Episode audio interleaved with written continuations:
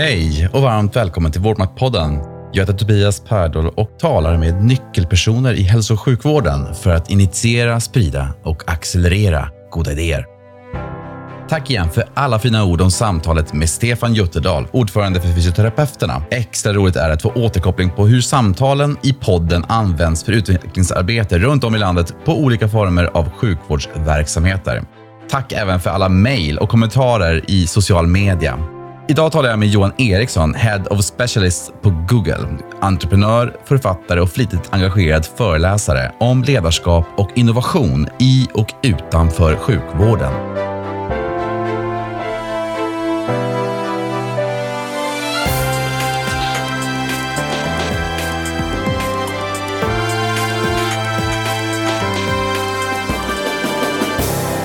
Vi talar om hur det var att studera till ingenjör i Indien och om nycklar till att finna balans i arbets och privatliv. Vi talar om vikten av att innovera i en allt snabbare föränderlig värld och hur nyckeln ligger i att utgå från användaren och hur det går att applicera på sjukvården, men även hur vi måste mäta hur det går för våra patienter. Ja, och mycket annat såklart. Varmt välkommen till Vårdmaktpodden, Johan Eriksson. Tack så mycket. Jättekul. Är allt bra idag? Ja, men det skulle jag säga. Det är väldigt bra. Man kan alltid ha åsikter om, om höstvädret, men eh, utöver det, jättebra. Jag får användning för mina galoscher. Han du jogga på morgonen? Nej, jag har inte joggat på morgonen.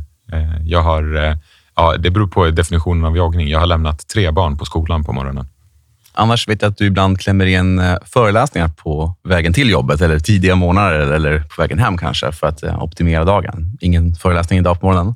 Nej, eh, inte på morgonen, men på vägen hem. Eh, jag vet att du har lyssnat på podden lite grann. Finns det något samtal som du tyckte eh, var värdeskapande som du eh, tar intryck från? Ja, absolut. Jag tycker att väldigt många av samtalen har varit bra med Anders Lönnberg. Liksom, säga vad man säga vill. Jag tyckte att det var fantastiskt och berikande på så många sätt. Jag tycker han slår huvudet på spiken på i väldigt många avseenden. Så att det är ett av de få avsnitten som jag har lyssnat på två gånger. Det, ah, roligt. det är väldigt bra betyg. Johan, eh, hur brukar du beskriva för någon som inte känner dig vad du gör om dagarna? Eh, I ditt jobb på Google eller i övrigt? Ja, jättebra fråga. Nej, men jag, jag skulle nog karaktärisera mig väldigt mycket som en mångsysslare. Så att jag har olika block i livet. Eh, jag har ju dels ett dagtidsjobb. Jag sitter i ledningsgruppen för Google Sverige och leder alla våra specialister i digitalisering, vilket är fantastiskt kul och det är ett fantastiskt team. Sen så är jag också väldigt aktiv investerare och rådgivare på startup-scenen, eller vad man vill kalla det. Utöver det så skriver jag också en del böcker, skriver på min tredje bok nu, håller en hel del tal, väldigt mycket länkat till eh, livslångt lärande, innovation, digitalisering, förändring, ledarskap, den typen av frågor. Och sen så driver jag även en eh, välgörenhetsorganisation som heter Pick One Thing, där vi vill uppmuntra alla att välja en sak i livet som man kämpar hårt för, som gör världen till ett bättre ställe. Eh, helt enkelt. Inte, inte mer än så. Hans Rosling, en av mina förebilder och som jag har haft förmånen att faktiskt jobba lite grann med under en period under läkarlinjen. Han brukade berätta om en ögonöppnande upplevelse när han som läkarstudent besökte Indien, där han insåg, från att ha varit typ bäst i klassen här hemma, att han var kanske bland de sämre eh, i Indien, för att de var så fruktansvärt duktiga. Du, är ingenjör i botten mm. och eh, läste industriell ekonomi. Mm. Och eh, jag vet att du också studerat en period i Indien mm. på ett universitet där, The Indian Institute of Technology i Delhi. Vill du dela med dig lite grann om dina intryck från Indien? Ja, nej men verkligen. Alltså jag tycker det var jättebra att vara där och studera en period i livet. Indien är ju så fascinerande därför att du har en bas av bra bit av en miljard människor att, så att säga, hitta personer med olika passioner och viljor och förmågor ifrån som sen får chans att blomstra i, i eh, ett utbildningssystem som ju delvis är alldeles för tufft. Men ändå. Eh, det gör att eh, du stöter på personer som är 27 år gamla och, eller 26 år gamla och publicerar sin tredje bok i IT-säkerhet på amerikanska marknaden parallellt med fortsatta studier. Liksom. Så att det, det, är verkligen så att man hittar många guldkorn där på, av, av, personer som är jätteduktiga, helt klart. Eh, men jag tycker också att eh, den generella generella nivån var väldigt hög inom just då. Jag fokuserar mycket på matematik och datateknik under min period där. Eh, för det är de väldigt bra på. Eh, så generella nivån var väldigt hög. Det jag tror fortfarande kan göras mycket mer, det är att bygga strukturer för ännu en, att förenkla entreprenörskap ännu mer. Så, så att det går ännu lättare för alla att komma igång med sina idéer och skala ut dem över Indien och vidare global marknad. Eh, före din tid nu här på Google så startade du då, eh, ett IT-bolag och eh, du jobbar också på Procter Gamble mm eh, under några år i ledande roller. Eh, vad har du tagit med dig från den tiden som du ser tillbaka på som var lärorikt? Ja, det viktigaste som jag har tagit med mig från den tiden, det är utan tvekan att alltid, alltid ta slutanvändarperspektivet i allt. Eh, alltså ta, ta en fråga som digitalisering. Det är, många gör det till en onödigt komplex fråga. Eh, men digitalisering, det är, bara, det är bara några fler verktyg i verktygslådan för att göra precis samma sak som vi borde göra innan och det är att göra saker bättre för slutanvändarna. När jag ser när digitaliseringssatsningar går snett, det är ju när man har blandat ihop medel och mål. Eh, man tror att medlet är ett mål, men det finns bara ett mål och det är att saker ska bli bättre för människor. Eh, man ska öka välmående till exempel. Så att eh, utgångspunkten för många framgångsrika entreprenörer är att man tar ett slutanvändarperspektiv och så ser man var storbolagen inte har lyckats. Var finns det friktion längs kundresan? Var finns det friktion i systemet? Och så startar man ett företag som löser det. Och det är oftast ett eh, bra ställe att starta på. Du är författare också och skrivit några böcker. Mm. Mm. Min första bok handlar om personligt ledarskap och personligt ledarskap är väldigt mycket grunden tror jag i, i de flesta saker. Att, uh, har man ett starkt personligt ledarskap hos en person så kan det hända saker. Har man inte det så blir det lätt att man mer formas av omgivningarna istället för att bygga det man tror är rätt. Ehm, och eh, sen eh, nummer två var en bok om digitalisering eh, och sen skriver på min tredje som handlar om behovet av livslångt lärande och innovation. Och det är ändå utgångspunkten det här att i en värld som hela tiden förändras så är den enda långsiktigt hållbara strategin för en individ, för en organisation, för en nation, det är att hela tiden lära sig saker snabbare än världen förändras och omsätta det i innovation. Allting annat har ett bäst före-datum. Bra sjukhus, eh, bra vårdflöden, eh, bra relation med patienter, eh, duktiga läkare. Allt det har ett bäst före-datum. Det enda som inte har det, det är att lära sig saker snabbare än världen förändras och omsätta det i innovation. Så att det håller jag på att skriva min tredje bok om just mm. nu. Vad skulle du säga var det viktigaste att hålla koll på då? det är ju så att, att um, ibland så överteoretiserar människor saker innan de kastar sig ut.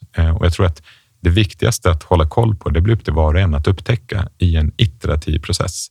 Jag tror mycket på iteration, det vill säga att man, man tänker till, man testar någonting, man lär sig, man tänker till, man testar någonting, man lär sig, man tänker till och så vidare.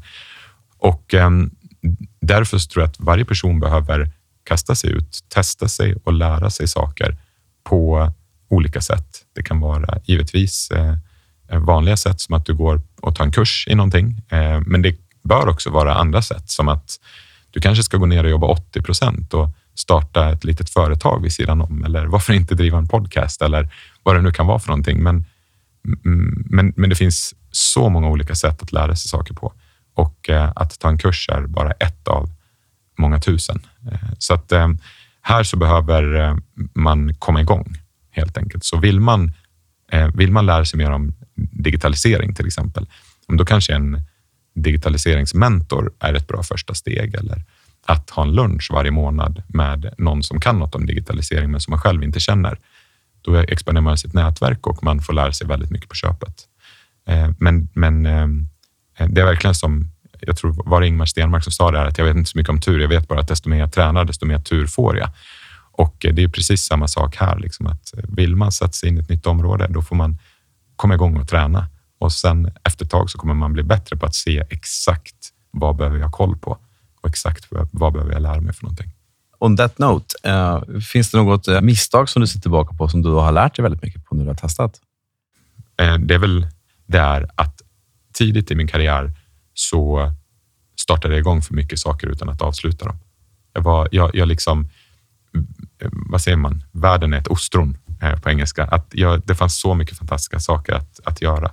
Eh, att jag startar igång mycket och sen så eh, eftersom jag har ett vad man kallar growth mindset så tänker jag att man kan lära sig vad som helst. Vi är inte födda med olika talanger utan vi kan lära oss vad som helst. Eh, så då sa jag då bestämde jag mig för att jag ska, jag ska bli bra på att, på att avsluta grejer. Och det har jag fokuserat mycket på. Det är det som har gjort det möjligt att ge ut böcker och mycket annat. Liksom. Men, eh, men de flesta misstag eh, tidigare kom av att jag startade igång för många saker utan att avsluta dem. Eh, du kan absolut göra fler saker, men du ska vara galet tydlig över prioordningen mellan dem ehm, och eh, se till att det som står överst på listan, det avslutar vi oavsett eh, vad man, vad man känner om det. Liksom. Hela prokrastineringsbiten. Den som står överst på listan, det är alltid nummer ett. Så att varje dag när jag vaknar så skriver jag ner de tre viktigaste sakerna för dagen på en lapp och sen så har jag någon form av löfte till mig själv att jag får inte lägga mig och sova förrän jag strukit strykit de tre sakerna från listan. Vad var morgonens tre saker? Mor morgonens tre saker var eh, att eh, givetvis genomföra den här intervjun, eh, samtalet. Eh, det är eh, att eh, hålla det här talet som jag har i eftermiddag eh, för ett stort företag eh, och sen så eh, nummer tre, det är att jag behövde det är en administrativ övning länkat till, till personalhantering på jobbet, kan man säga, som är jätteviktig. Eh, men den behöver ske, så jag behövde få den på plats. Så att vi är på god väg med nummer ett. Ja, det är bra. Bara två kvar sen. Ja, bra. Digitalisering um, är ju ett ganska vitt begrepp, uh, men något som det pratas väldigt mycket om just nu och som jag vet många tittar på, bland annat jag också, men, men, men det är att börja förstå bättre kring uh, hur artificiell intelligens kan användas som en hävstång. Mm. Um, och jag tänkte bara, hur, hur, brukar du beskriva vad artificiell intelligens är för någon som inte riktigt känner till det? Ja, precis. Nej, men, alltså, jag är ju ingen expert på området, men jag vet tillräckligt för att veta många bra saker man kan använda det till. Men i korthet så är det ju ett sätt att eh, få maskiner att lära sig saker själva och ehm, rent praktiskt att, eh, att skriva kod. Så att om du tar ett exempel att ehm, om du ska utveckla ett spamfilter som eh, ser till att din, din inkorg håller sig något sånär ren, då, då kan du utveckla det genom att skriva kod för kod-rad. Så du skriver liksom, hitta alla mejl som innehåller texten vinn en miljon och sortera dem som spam. Om de inte innehåller texten en, en miljon så sorterar de som mejl.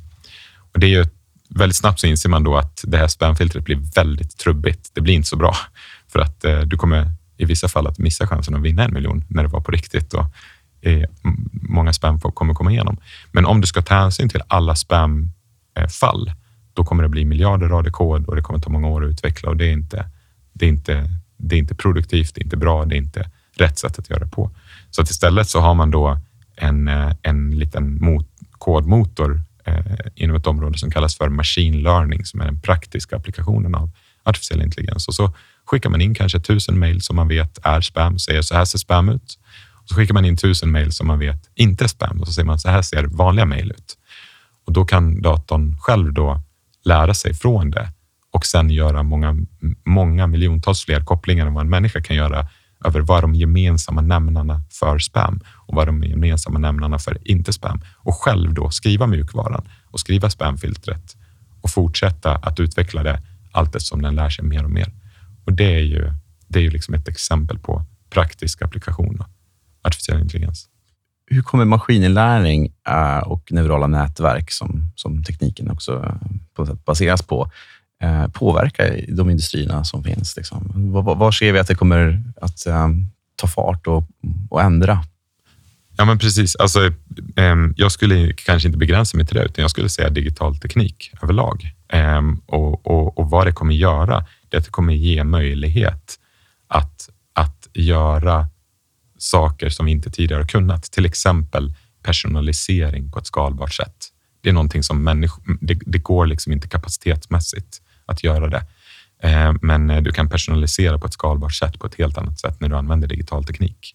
Eh, för att du inte är beroende av enbart mantimmar eh, för att göra det. Ehm, och ehm, det, en fascinerande bok som jag läst är ju Dr. Erik Topols bok The patient will see you now. Och där tar han upp många exempel på när vården är inte personaliserad.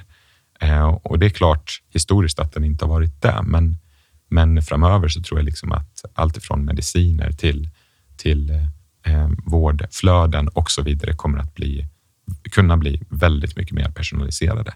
Ja, precis. Det är ganska mycket one size fits all. Ja, ja, men mall, mallarbete. Liksom. Eh, och, det, och återigen, det här är inte unikt för, för vården, utan det är i, gällande i alla branscher. Men vad digital teknik ger för möjlighet, det är att, det är att eh, gå bort från one size fits all till personalisering på ett skalbart sätt. Så hur ser din lives um, work-life balance ut med tanke på att du gör så mycket uh, olika mm. saker och mm. uh, har tre små barn och, och fullt upp med det? Nej, men verkligen bra fråga. Jag, eh, jag tycker att eh, den ser bra ut. Eh, jag, jag har några olika, alltså den har, det har den inte alltid gjort, eh, men jag tycker den gör det idag och jag har några olika principer som jag håller mig benhårt till för att få det att fungera. Eh, den första principen är att, att verkligen ställa mig frågan i allt jag gör. Vad är det viktigaste i det här? Och sen bara jobba med det. Eh, det jag ser att smågrus kan käka upp mycket tid för folk. Eh, det är småsysslor som man tror adderar värde, men som handen på hjärtat, om man inte skulle göra dem så skulle inte världen vara ett sämre ställe imorgon. Utan vad är de stora, riktigt viktiga sakerna? Dels på mitt jobb på Google, dels i de företag jag engagerar mig i vid sidan av eh, och så vidare. Så det är en princip nummer ett. Princip nummer två är att jag aldrig gör någonting ensam. Eh, jag, jag, dels är det tråkigt och dels så är det, liksom, det ger så mycket mer resiliens i ett system om du gör saker tillsammans. Så att ehm, det, det är princip nummer två. Och sen princip nummer tre, det är att ha en priolista där jag har allting i mitt liv. Och den, den har jag på min dator liksom och, och i min telefon. Och, och eh, den, den ligger där i molnet. Liksom. Eh, och eh, där har jag allting prioriterat, inklusive familjen. För att saker vi mäter tränger lätt ut saker vi inte mäter. Ehm, så att ehm, överst på den listan står min fru, sen mina barn och så vidare. Och sen kommer mitt jobb och hela den biten. Jag tittar på den regelbundet flera gånger i veckan för att säkerställa att jag lägger min tid på rätt saker. Och det jag då inte hinner med, det blir det som är minst viktigt. Och det är fine. Det är helt okej. Okay. Det Asana? Eller vad kör du för system för prioriteringar? Nej, jag är, eh, jag, det är väldigt mycket vad som är länkat till mina långsiktiga livsmål. Lite grann det här med, ja, men om jag hade en månad kvar att leva, skulle jag spendera min energi som jag gör nu då, eller inte? Kombinerat med när, när jag i framtiden ser tillbaka på mitt liv. Vad vill jag verkligen se tillbaka på? Vill, ska, jag liksom, ska det stå på mitt, min gravsten att Johan streamade mycket Netflix och såg alla serier? Eller ska det stå någonting annat? Eh, och det är inte för att det är dåligt att koppla av då och då, men det är också viktigt att man lägger energin där man vill lägga den. Mm. Eh, du har tre barn. Var du pappaledig? Jag har varit pappaledig, ja.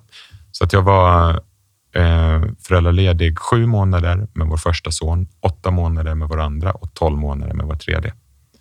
Eh, så att eh, det är liksom den föräldraledighet som jag har tagit, länkat till det.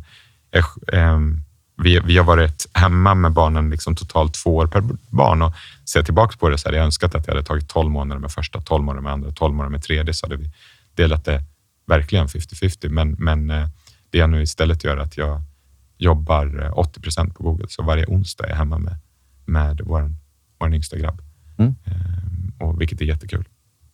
Så att eh, igår, nu är det torsdag idag, så igår var jag inte på jobbet. Eh, vi, hur är det då med eh, träning? Ja. Du nämnde inte det, men är det en del av din priolåning? Att du ja. tänker på det? Jag, jag tror att eh, om man inte tar hand om sig fysiskt, mentalt, socialt och så vidare, då, då, då, blir det, då kommer det förr eller senare en tidpunkt då man märker att man inte har gjort det. Eh, många stora företag har sådana program som kallas corporate athlete och liknande, där man pratar om det här att eh, idrottsstjärnor de tränar 99 procent av tiden och tävlar 1 procent. Eh, många som jobbar i privat sektor tänker att vi tävlar 100 procent av tiden och det är nästan så. Så det är så viktigt att man tar hand om sig själv. Så att jag, eh, jag är den första personen också på Google Sverige som har tjatat till mig ett eh, sånt här gående skrivbord. Så jag har ett treadmill desk, det vill säga jag går och e-mailar samtidigt, eh, vilket är fantastiskt. Jag tycker liksom att kontor är byggda för människors sinnen, men inte för deras kroppar. Det behöver vi förändra. Vi går in på eh, liksom, lite grann om sjukvårdens utmaningar. Baserat på vad du har berättat nu så blir jag mm. väldigt nyfiken på att höra, eh, utifrån ditt perspektiv, vilka utmaningar ser du att samhälleliga funktioner som till exempel då sjukvården mm. eh, står inför? Stor fråga. Och återigen, jag vill liksom upprepa det här att, att det är med stor ödmjukhet som jag tar mig an det här. För att eh, ja, men liksom en, en läkare som jobbat 30 år med det här har givetvis mycket mer insikter i själva vården, utan det jag tar med mig in det är liksom det här med slutanvändarperspektivet, i det här fallet patienten, eh, och titta på det från det läget och sen eh, ja, men kännedomen om alla de olika digitala verktygen i verktygslådan. Och utifrån det så tror jag att den övergripande största utmaningen, det är att man måste ta innovation på betydligt större allvar. Eh, man behöver liksom fördela mycket mer resurser till innovation. Eh, därför att man kan tro liksom att, att eh, jo, men vi behöver ju alla resurser till att hantera saker här och nu. Jo, fast om vi gör så så blir det aldrig någonting nytt heller. Och återigen, liksom, i den här världen som hela tiden förändras så måste vi förändras med den. Så att man behöver ta innovation på större allvar. Dels när det gäller eh, hur man strukturerar för innovation, både inkrementell innovation i den dagliga verksamheten, men också transformativ innovation. Om man ser så här, ja men okej, vi, och nu hittar jag på någonting här, men vi, liksom vi kanske istället för att bygga hundra vårdplatser här så kanske vi ska bygga hundratusen vårdplatser i hemmen. Hur skulle en sån lösning kunna se ut? Och då, jag menar, det är ju ingenting som en läkare under en stressad vardag kommer att lösa. Så är det bara. Utan vi behöver bygga KPI och kompensationsstrukturer som tillåter människor och nätverk av människor att ta sig an större och mer transformativa frågor också. Eh, och så att organisera för information, eh, fördela resurser för information och helt enkelt ta innovation på betydligt större allvar. Jag tror att man mycket väl kan hitta små öar av fantastiska initiativ Eh, dels ute i landet i Sverige, men också väldigt mycket runt om i världen. Vilket leder mig till kanske liksom punkt ett. Och punkt ett är väl att jag tror att vi måste ha mycket bättre koll, strukturell koll på, på den innovation som pågår runt om i världen. Så vi borde nästan ha ett scout-team vars enda jobb är att plocka hem innovation inom sjukvården till Sverige. Liksom vad, hur jobbar eh, de olika vårdinrättningarna i runt om i världen med olika delar av vården. Och hur kan vi se till att vi hela tiden är först på bollen när man lyckas göra någonting bra? För att om man pratar om return on investment så det är sällan någonting som har bättre return on investment än att vara först på bollen när en, när en innovation har gjorts. Copycat först. Ja, men, men verkligen. Liksom. Och, så att jag tror, och där ska vi inte ha någon, ha, ha någon liksom stolthet i att vi måste bygga det själva, utan steg ett är att, att sätta en struktur för hur har vi stenkoll på vad som pågår i hela världen? Eh, är det ett scoutteam som ska leda det arbetet för Sveriges sjukvårdsräkning? Liksom? Kanske. Um, och sen så nummer två, det blir på något sätt att vi måste eh, börja mäta de verkliga målen eh, och inte blanda ihop medel och mål. Och spontant så tänker jag liksom att målet med sjukvård är, att, är ju välmående. Att människor ska må bra. Och då är fråga ett, mäter vi kontinuerligt hur bra människor mår? Eh, för att om vi har liksom två olika sätt att göra någonting på, måste vi veta vilket av de här två sätten leder till mest välmående snabbast. Men registrerar vi efter varje procedur när patienten tycker att nu mår jag bra? Liksom den datapunkten, finns den? Loggas den för varje olika patientresa? Jag säger så här, nu mår jag bra. Eh, så att jag tror liksom att eh, där behöver vi börja mäta det eh, systemmässigt digitalt för precis allt i vården. Det är liksom slutmålet, välmående. Allt annat är ett medel för att nå dit och kan, kan omkullkastas. Ett sjukhus är ett medel, en läkare är ett medel, en, ett ingrepp är ett medel, en medicin är ett medel. Och det är inte säkert att det är bästa medlet. Det vet vi först när vi börjar mäta de verkliga målen. Eh, och det kommer också att sätta upp, liksom, utan att vi mäter målen så kan vi heller inte släppa lös hela kraften i kvantitativ dataanalys. Därför att då kommer den att optimera mot medel, inte mot mål. Det blir lite av en utmaning. Eh, så att vi måste börja mäta de verkliga målen i allt det vi gör. Eh, och då är det många som kommer att säga så här, jo men det går inte eller det är svårt. Ja, men vi, kan, vi kan sätta människor på månen. Det finns 3000 olika patent på vinkorkskruvar, sätt att plocka ur en kork med en skruv. Jag är säker på att vi kan mäta folks välmående kontinuerligt i Sverige. Absolut. Eh, det handlar bara om att hitta ett sätt att göra på. Så att ehm, det behöver vi göra, liksom mäta, mäta det här. Eh, och sen om vi pratar digital teknik specifikt så behöver vi sen släppa lös kraften i, i liksom signifikant mycket bättre beslutsstöd.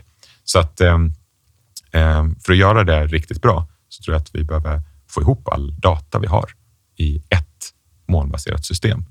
Så att vi har all patientdata och så vidare i ett eh, integritetsskyddat, supersäkert molnbaserat system med API, med då applikation, eh, det står för Application Programming Interface, men det är alltså gränssnitt som gör att eh, forskare, företag, eh, andra typer av offentliga institutioner kan använda den här datan till att lära sig hur man gör saker bättre. För återigen, digitaliseringen är ett verktyg för att göra saker bättre för människor. Så hur kan vi göra så att de mår bättre snabbare? Och då behöver vi ett, mäta välmående. Två, samla all den datan så att vi sen tre kan släppa lös all digital teknik, innovationskraft, entreprenörskap inom det här. Eh, och då kommer vi se en acceleration av innovationen, tror jag. Jag brukar föreläsa numera en del för läkare och, yngre läkare. Eh, jag brukar ställa frågan till dem, i vilken utsträckning kommunicerar era handledare, chefer, lärare med er eh, med säg, en sån enkel sak som kalender invites? Mm. Det är färre, alltså en på tio, en på tjugo räcker upp handen och säger att det är så man jobbar. För att mm. ofta så mejlar man ut ett mejl och skriver att det är mm. kurs den här dagen, den här platsen och så vidare. Mm. Det blir massmejl. Mm. Ändrar man det så, så skickas det ut massmejl igen mm. och det uppdateras inte per mm. automatik och så vidare. Nej, absolut. Jag tror att eh, det här eh, det är, en, det är en väldigt bra observation. Det är två stycken utmaningar tror jag, som, som gör mig se det här. Den ena det är att vi måste jobba som vi lever. Vi måste jobba som vi lever. Vi kan inte byta ner oss teknikmässigt när vi kommer till jobbet, utan vi måste jobba som vi lever privat. Eh, samma snabbhet, samma förväntan på informationstillgång eh, och så vidare. Så att eh, eh, jag, jag, tycker liksom att ambitionen ska snarare vara att man ska känna att när du lämnar ifrån dig din smartphone hemma liksom, eller vad det nu än är för någonting och kommer till jobbet så ska du byta upp dig teknikmässigt. Jag menar, det, det måste vara ambitionen någonstans. Du ska känna wow, allting går mycket snabbare och smidigare och bättre på jobbet. Jag önskar att jag hade så hemma. Liksom, det måste vara ambitionen. Och Jag förstår att vi är långt ifrån det, men jag tror att det är en verklig utmaning. Eh, så att eh, steg ett, eller att säga vad är ambitionen? Ja, det tror jag att det ska vara att man ska byta upp sig teknikmässigt när man kommer till jobbet hemifrån, vad man än hade hemma. Eh, och eh, det kommer ju att göra det enklare också att ta slutanvändarperspektivet. Slutanvändarperspektivet är ändå väldigt mycket mobilt idag. Liksom. Ehm, och eh, så måste vi jobba även på jobbet. Den andra saken som döljer sig i det här, det är att ehm, det finns ett, jag tror det finns en utmaning att det finns ett jättekunskapsgap inom vården mellan ehm, vad, med vad tekniken kan göra för vården. Alltså, man, man kan inte tillräckligt mycket om digital teknik för att veta hur verktygen ser ut så att man sen kan föreslå hur de ska användas. Alltså det, om, om du inte vet hur en skruvmejsel fungerar så blir det väldigt svårt att säga nu ska vi skruva i en massa skruvar med den här. Det, så att jag tror liksom att det behövs någon form av massiv utbildningsinsats snarare. Men om vi håller oss till utmaningen så kunskapsgap tror jag är en som utmaning. Mm. Jag tänker så här, de flesta branscher och industrier har ju med regelbundenhet utmanats av oftast uppstickare som kommer från sidan och som gör liksom någon disruptiv lösning på någonting som mm. helt ändrar. Liksom. Kodak är ett bra exempel, liksom, mm. men, men, som helt missade digitaliseringen av dig, mm. kameror. Men, Kodak moment. Kodak moment, mm. exakt. Finns det en risk, tror du, att det finns disruptiva moment här, eller aktörer eller motsvarande som, som vänder upp och ner på en så basal stor grej som sjukvården? Ja, absolut. Alltså, disruption, det handlar ju om att eh, det kommer en alternativ modell. Eh, det kommer ett alternativt sätt att, att leverera på, återigen, samma mål. Målet är välmående.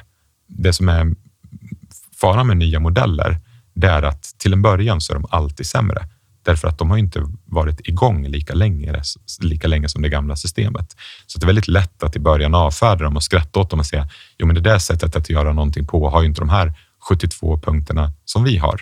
Eh, alltså är det sämre, alltså ska vi fortsätta som vi gör nu.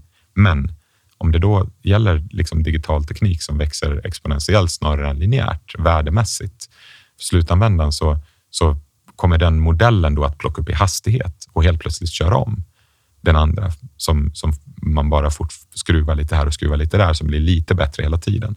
Helt plötsligt så står man där och så undrar man lite vad som hände eh, när eh, liksom den här aktören helt plötsligt tar alla patienter och jobb och så vidare. Eller när den här nationen eh, tar alla patienter och jobb och så vidare. Det är därför det är så viktigt att vi bekänner för oss själva att det enda vi vet är att saker förändras.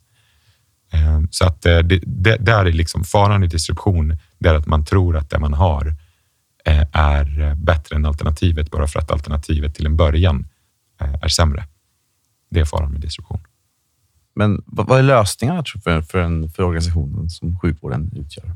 Ska man börja någonstans så, så tror jag att återigen det här att ta innovation på betydligt större allvar är steg ett.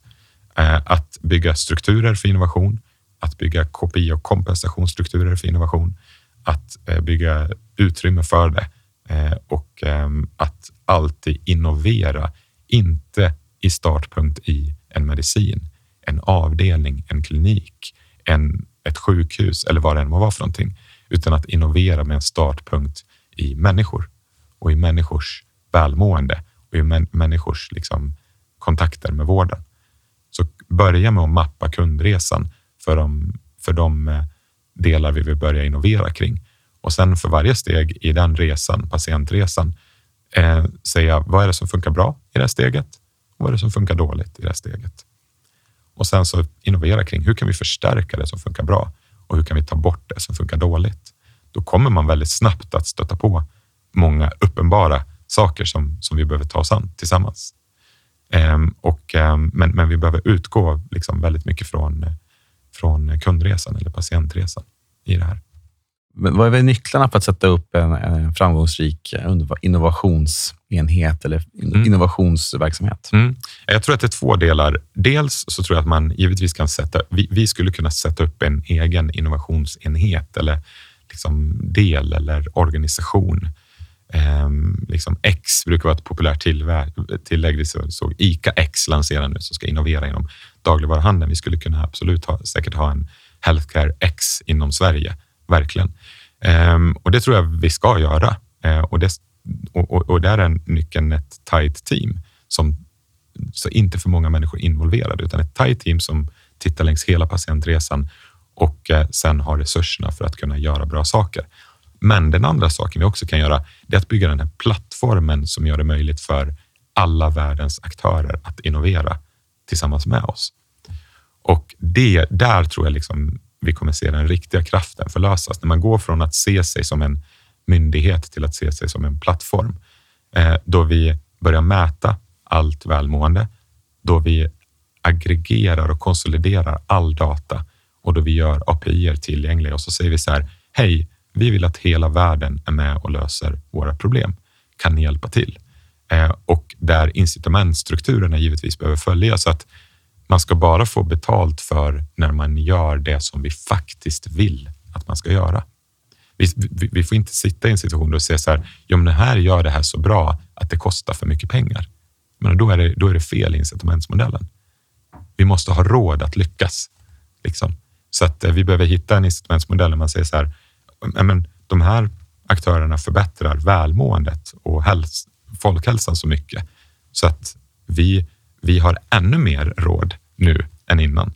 Därför att vi mätte rätt saker, vi, vi betalade för rätt saker. Eh, och det behöver man gå igenom och titta. Hur kan vi betala för välmående? Jag tänker att um, de allra flesta patienter påbörjar redan sin resa digitalt idag. Mm.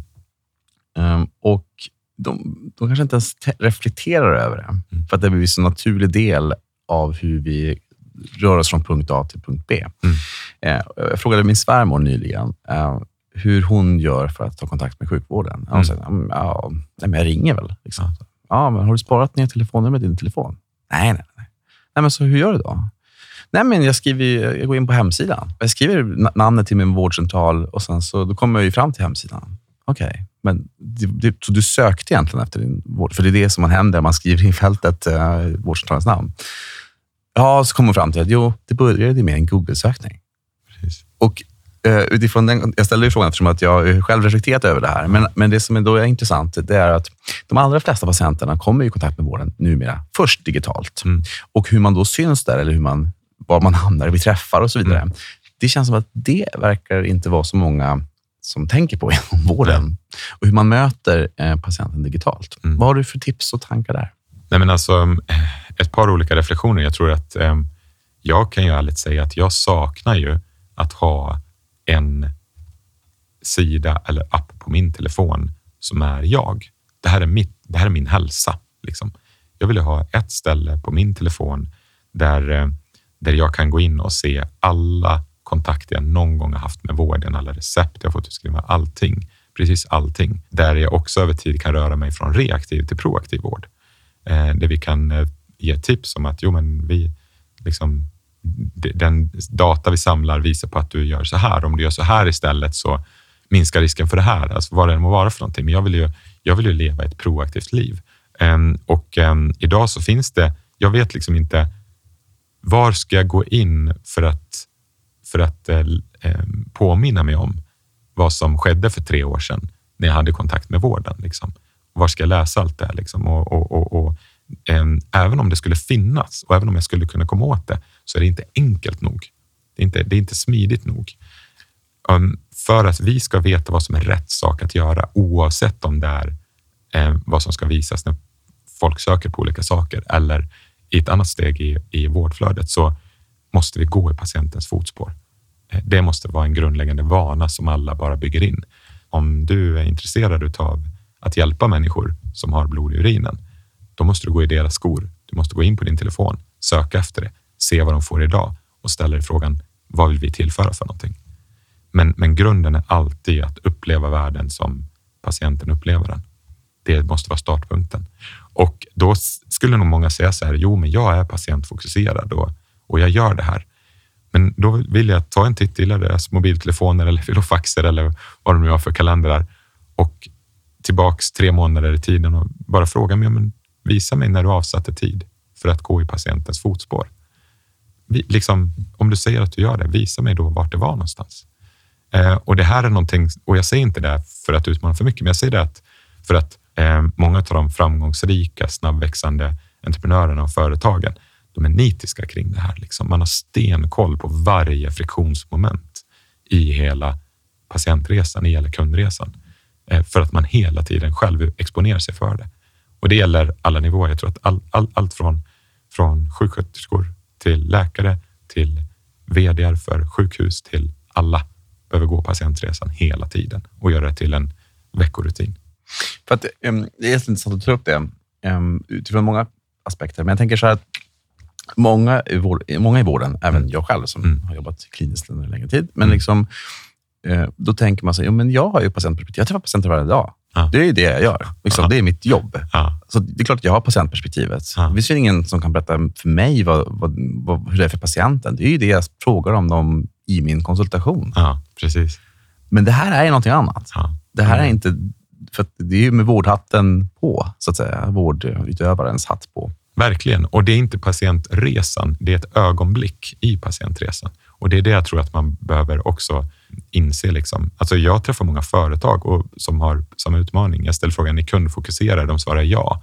Då säger jag, okej, okay, men för er viktigaste kund, visa mig var ni har hela kundresan utmappad. Och det kämpar de med att göra. Liksom. Eh, och eh, om man då är en vårdgivare eller har någon roll att spela längs, längs en, en persons resa eh, till välmående eh, så tror jag att man behöver ha hela den resan utmappad för att förstå kontexten i vilken man verkar och opererar. Det är först när man, kan, det är först när man, kan, när man gör det så, så man ser, aha, men förmodligen så kan de redan de här bitarna innan. Så att det är väldigt dumt att jag ställer de frågorna i ett möte som läkare. De frågorna borde vi ställa dem innan i deras mobiltelefon så att det redan finns på plats. En typisk sån sak. Jag var i kontakt med vården med en av våra söner och så kommer man dit och så ställer de sju frågor till en början som hade varit hur enkla som helst att svara på via mobiltelefonen. Och så blir resultatet av dem att man konstaterar att man behöver ta två labbprov. Liksom. Och då tänker jag att äh, det där måste kunna automatiseras. Det där måste kunna automatiseras rakt av. Liksom. De sju frågorna och de två labbproven. Eh, och jag tror att vi behöver liksom som en del av innovationen också ställa oss frågan, vad kan automatiseras? För att eh, vi behöver automatisera precis allt som kan automatiseras för att frigöra resurser och för att frigöra energi till att göra mer värdefulla saker. Jag brukar själv försöka ha den här två gånger vanan. Så att varje gång jag gör någonting två gånger, då försöker jag ta en timeout och ställa mig frågan, oj, vad, vad blev fel nu? Liksom? Jag, jag har helt missat någonting på automatiseringståget här. Jag gjorde det här två gånger. Helt galet. Vad har hänt? Timeout. Eh, samla liksom några människor runt mig och bara säga, okej, okay, men här måste vi kunna göra någonting bättre. Hur kan vi automatisera det här? För jag gjorde det här två gånger. Och jag tror att samma inställning behöver man ha inom vården. För att tekniken börjar bli så bra nu att den faktiskt kan göra det.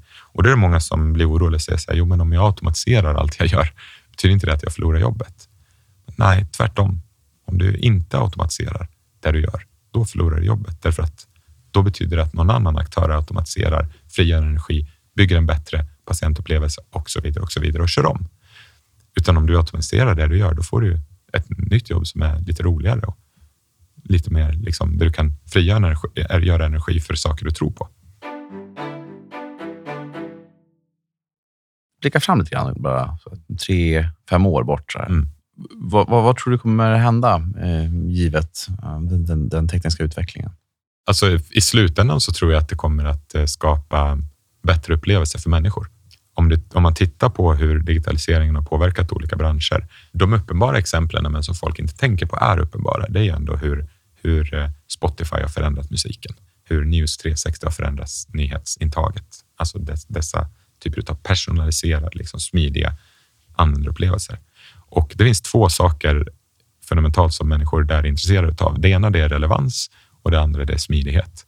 Så på medellångt och lång sikt så tror jag att vi kommer att få mer relevant vård därför att eh, machine learning på sikt kommer att kunna ge vård som är specifikt för mig, som utgår från min genuppsättning, som i realtid bygger mediciner som passar precis mig, eh, som ger mig den vård som, som jag vill ha. Och till exempel, jag har ju inget intresse av att komma till ett sjukhus någon, någonsin.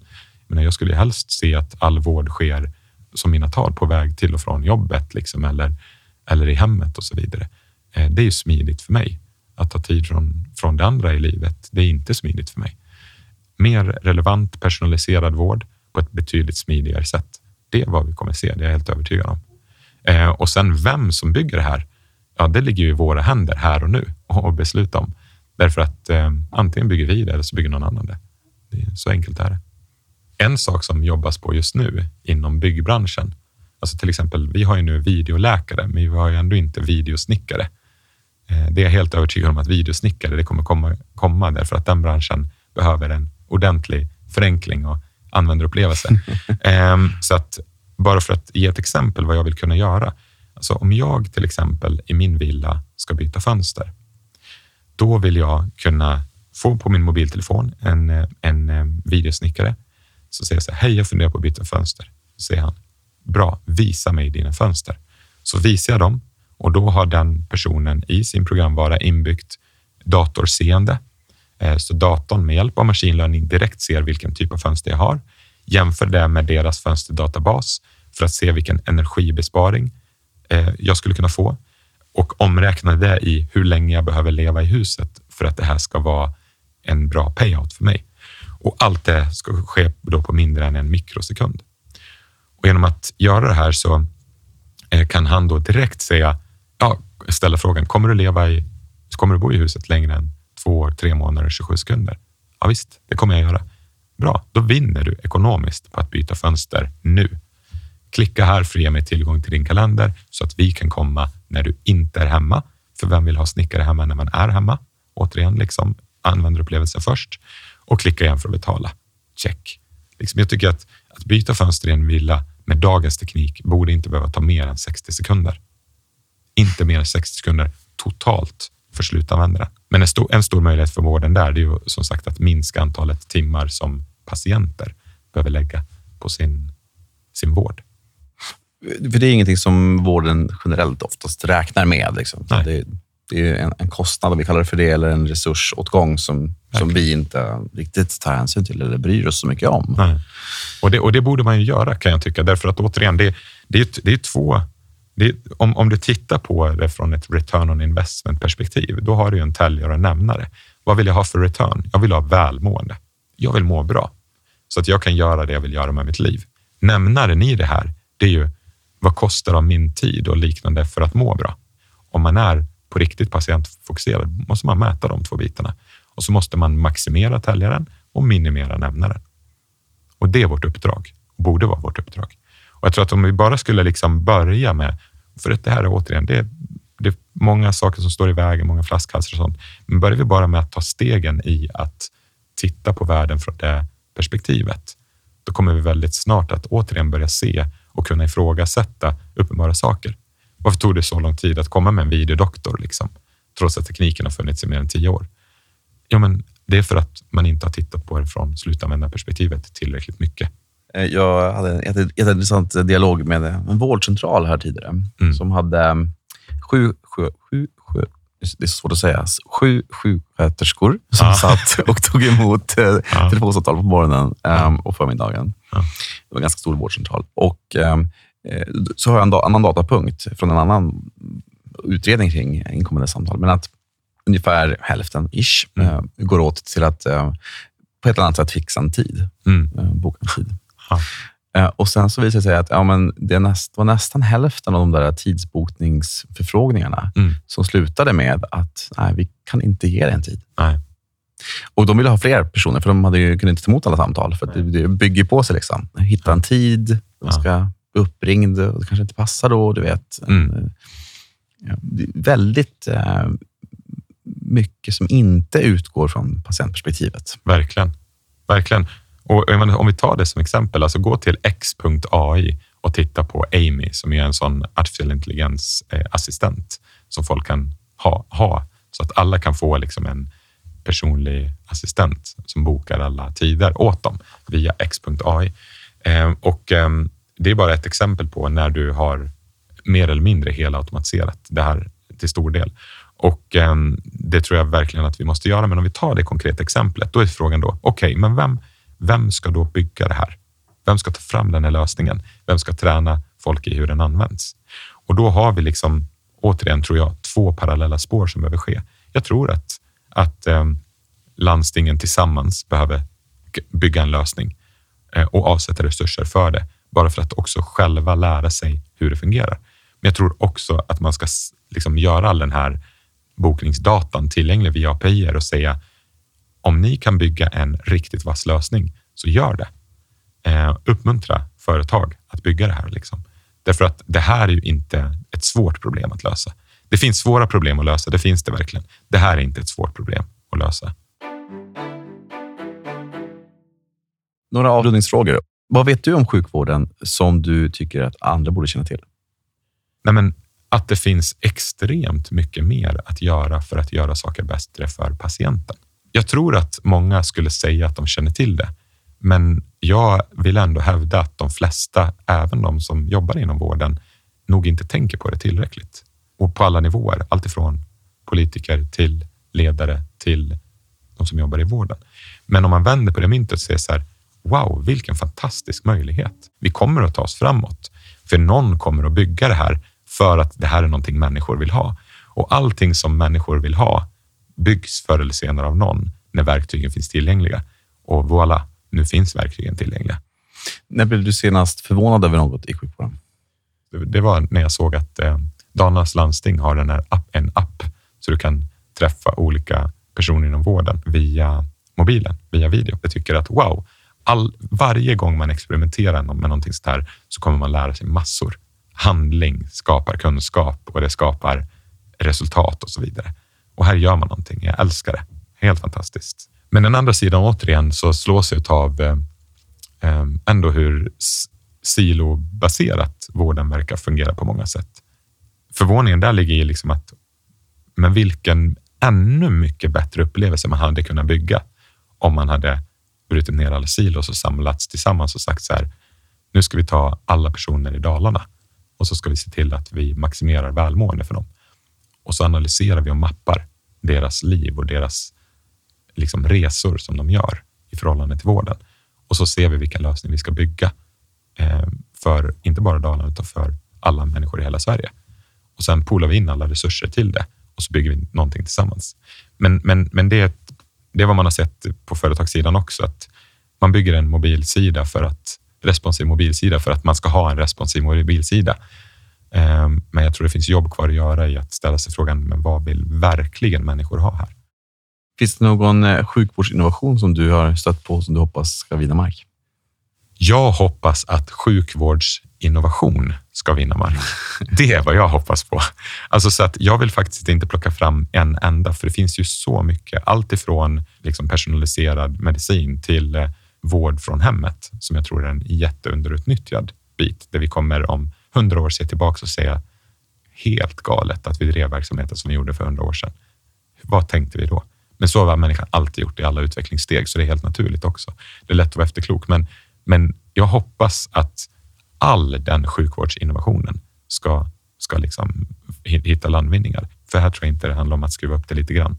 Jag tror att det handlar om att mångdubbla det.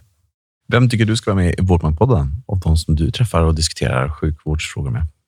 Ja, eh, ett par stycken som jag tycker ska vara med. Det är dels så tycker jag att det vore spännande att att bjuda in doktor Erik Topol som är kardiolog i USA och som mm. har skrivit boken The patient will see you now. Det är en jättebra bok för övrigt. Ja, ja men liksom, och, och en, en, en, spännande person. Dels eh, så tycker jag Daniel Kraft som leder eh, hälsovårdsdelen av Singularity University i USA vore spännande att föra ett samtal med. Eh, Singapores hälsominister eh, vore kul också att lyssna på kan jag tycka. Eh, där man har gjort vissa delar liksom väldigt bra. Så att jag skulle väl säga liksom att eh, Sverige är 10 miljoner människor av 7,5 miljard ish. Eh, och eh, jag skulle jättegärna bjuda in några från de andra eh, 7,5 miljarderna. Uh, kul att du, du, pushar på en internationell gäst. Tack. Uh, absolut. Um, och det kanske kommer snart, vem vet? Yes. Så hur kan man nå dig om man vill veta mer om dina tankar och idéer? Ja, man kan, det, det finns många sätt att nå mig på, men, men för att det ligger mig varmt om hjärtat så vill jag att man når mig via pickonething.com. Pickenetta.thing.com. LinkedIn är min huvudplattform om du tänker sociala plattformar. Facebook? Facebook finns jag också på. Jag, finns väl, jag, har, jag, har, jag, har, jag finns på all, nog nästan alla plattformar du kan räkna upp. Okay. Eh, Twitter såklart? Precis, och eh, Instagram och Snapchat, Snapchat, och så vidare. Utan, eh, men vad använder jag mest? Från vad vill jag, återigen, att det ska stå på min gravsten? Inte flest tweets, ehm, utan det jag använder mest det är LinkedIn. Är det något som du hade tänkt att få tala om idag som vi inte har gjort eller som du skulle vilja beröra? Nej, men nej, jag, jag tycker inte det, utan för mig återigen, allting kommer ner till och kokar ner till vad vi nu gör för någonting. Inte vad vi planerar, inte vad vi liksom funderar på, utan vad vi gör. Så att jag hoppas liksom att alla som, eh, som har förmånen att lyssna på din podd, att, att, att de ändå ställer sig frågan, okej, okay, men, men vad kan jag inom den närmsta veckan, inte mer, inom den närmsta veckan göra för att accelerera innovationen inom hälso och sjukvård? Gärna gå in på Pick One Thing och skriva ett mejl till mig vad ni planerar att göra, så ska jag se till att den informationen kommer till bra användning. Eh, verkligen. Men, men eh, om vi inte ställer oss frågan, om, låt säga att nu att, att någon högt uppsatt politiker lyssnar på det här. Om man inte ställer sig frågan, vad kan jag göra inom en vecka för att börja påverka den här riktningen? Då, då, då kommer vi fortsätta med den fart vi har nu och den är inte bra nog. För att folk lider och jag, kommer inte, jag och många andra kommer liksom inte att acceptera att, att, att, att eh, folk lider av nuvarande situationen, utan vi kommer vilja innovera oss ur det här, eh, vad som än krävs. Eh, och eh, man kan tycka så här, jo, men det är en helt annan sak än företag, för vi är inte konkurrensutsatta. Om det finns någon person på hela den här jorden som tror att de inte är konkurrensutsatta, då kommer de förr eller senare att få en spännande överraskning som ett brev på posten. Därför att, och det handlar inte om konkurrens så mycket som det handlar om att människor vill leva bra liv. De vill ha, ha relevans, de vill ha smidighet och så vidare.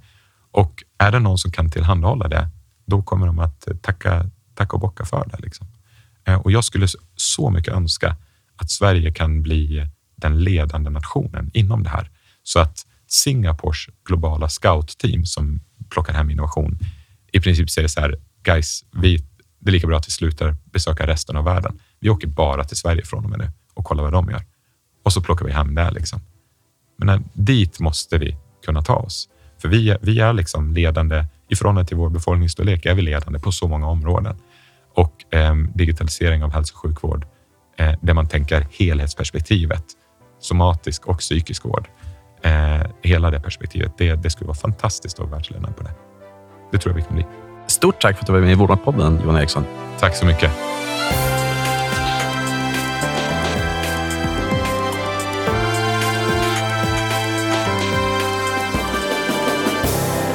Jag hoppas att du liksom jag finner samtalet med Johan Eriksson intressant och inspirerande. Så dela gärna med dig om vad du tycker och tänker på Dagens Medicin, Vårdmaktpoddens Facebook-sida på Twitter eller LinkedIn. I nästa avsnitt talar jag med Patrik Sundström, programansvarig för e-hälsa på Sveriges kommuner och landsting. Och jag hoppas du vill lyssna på oss, för det börjar med ett samtal. Sen upp till dig och mig.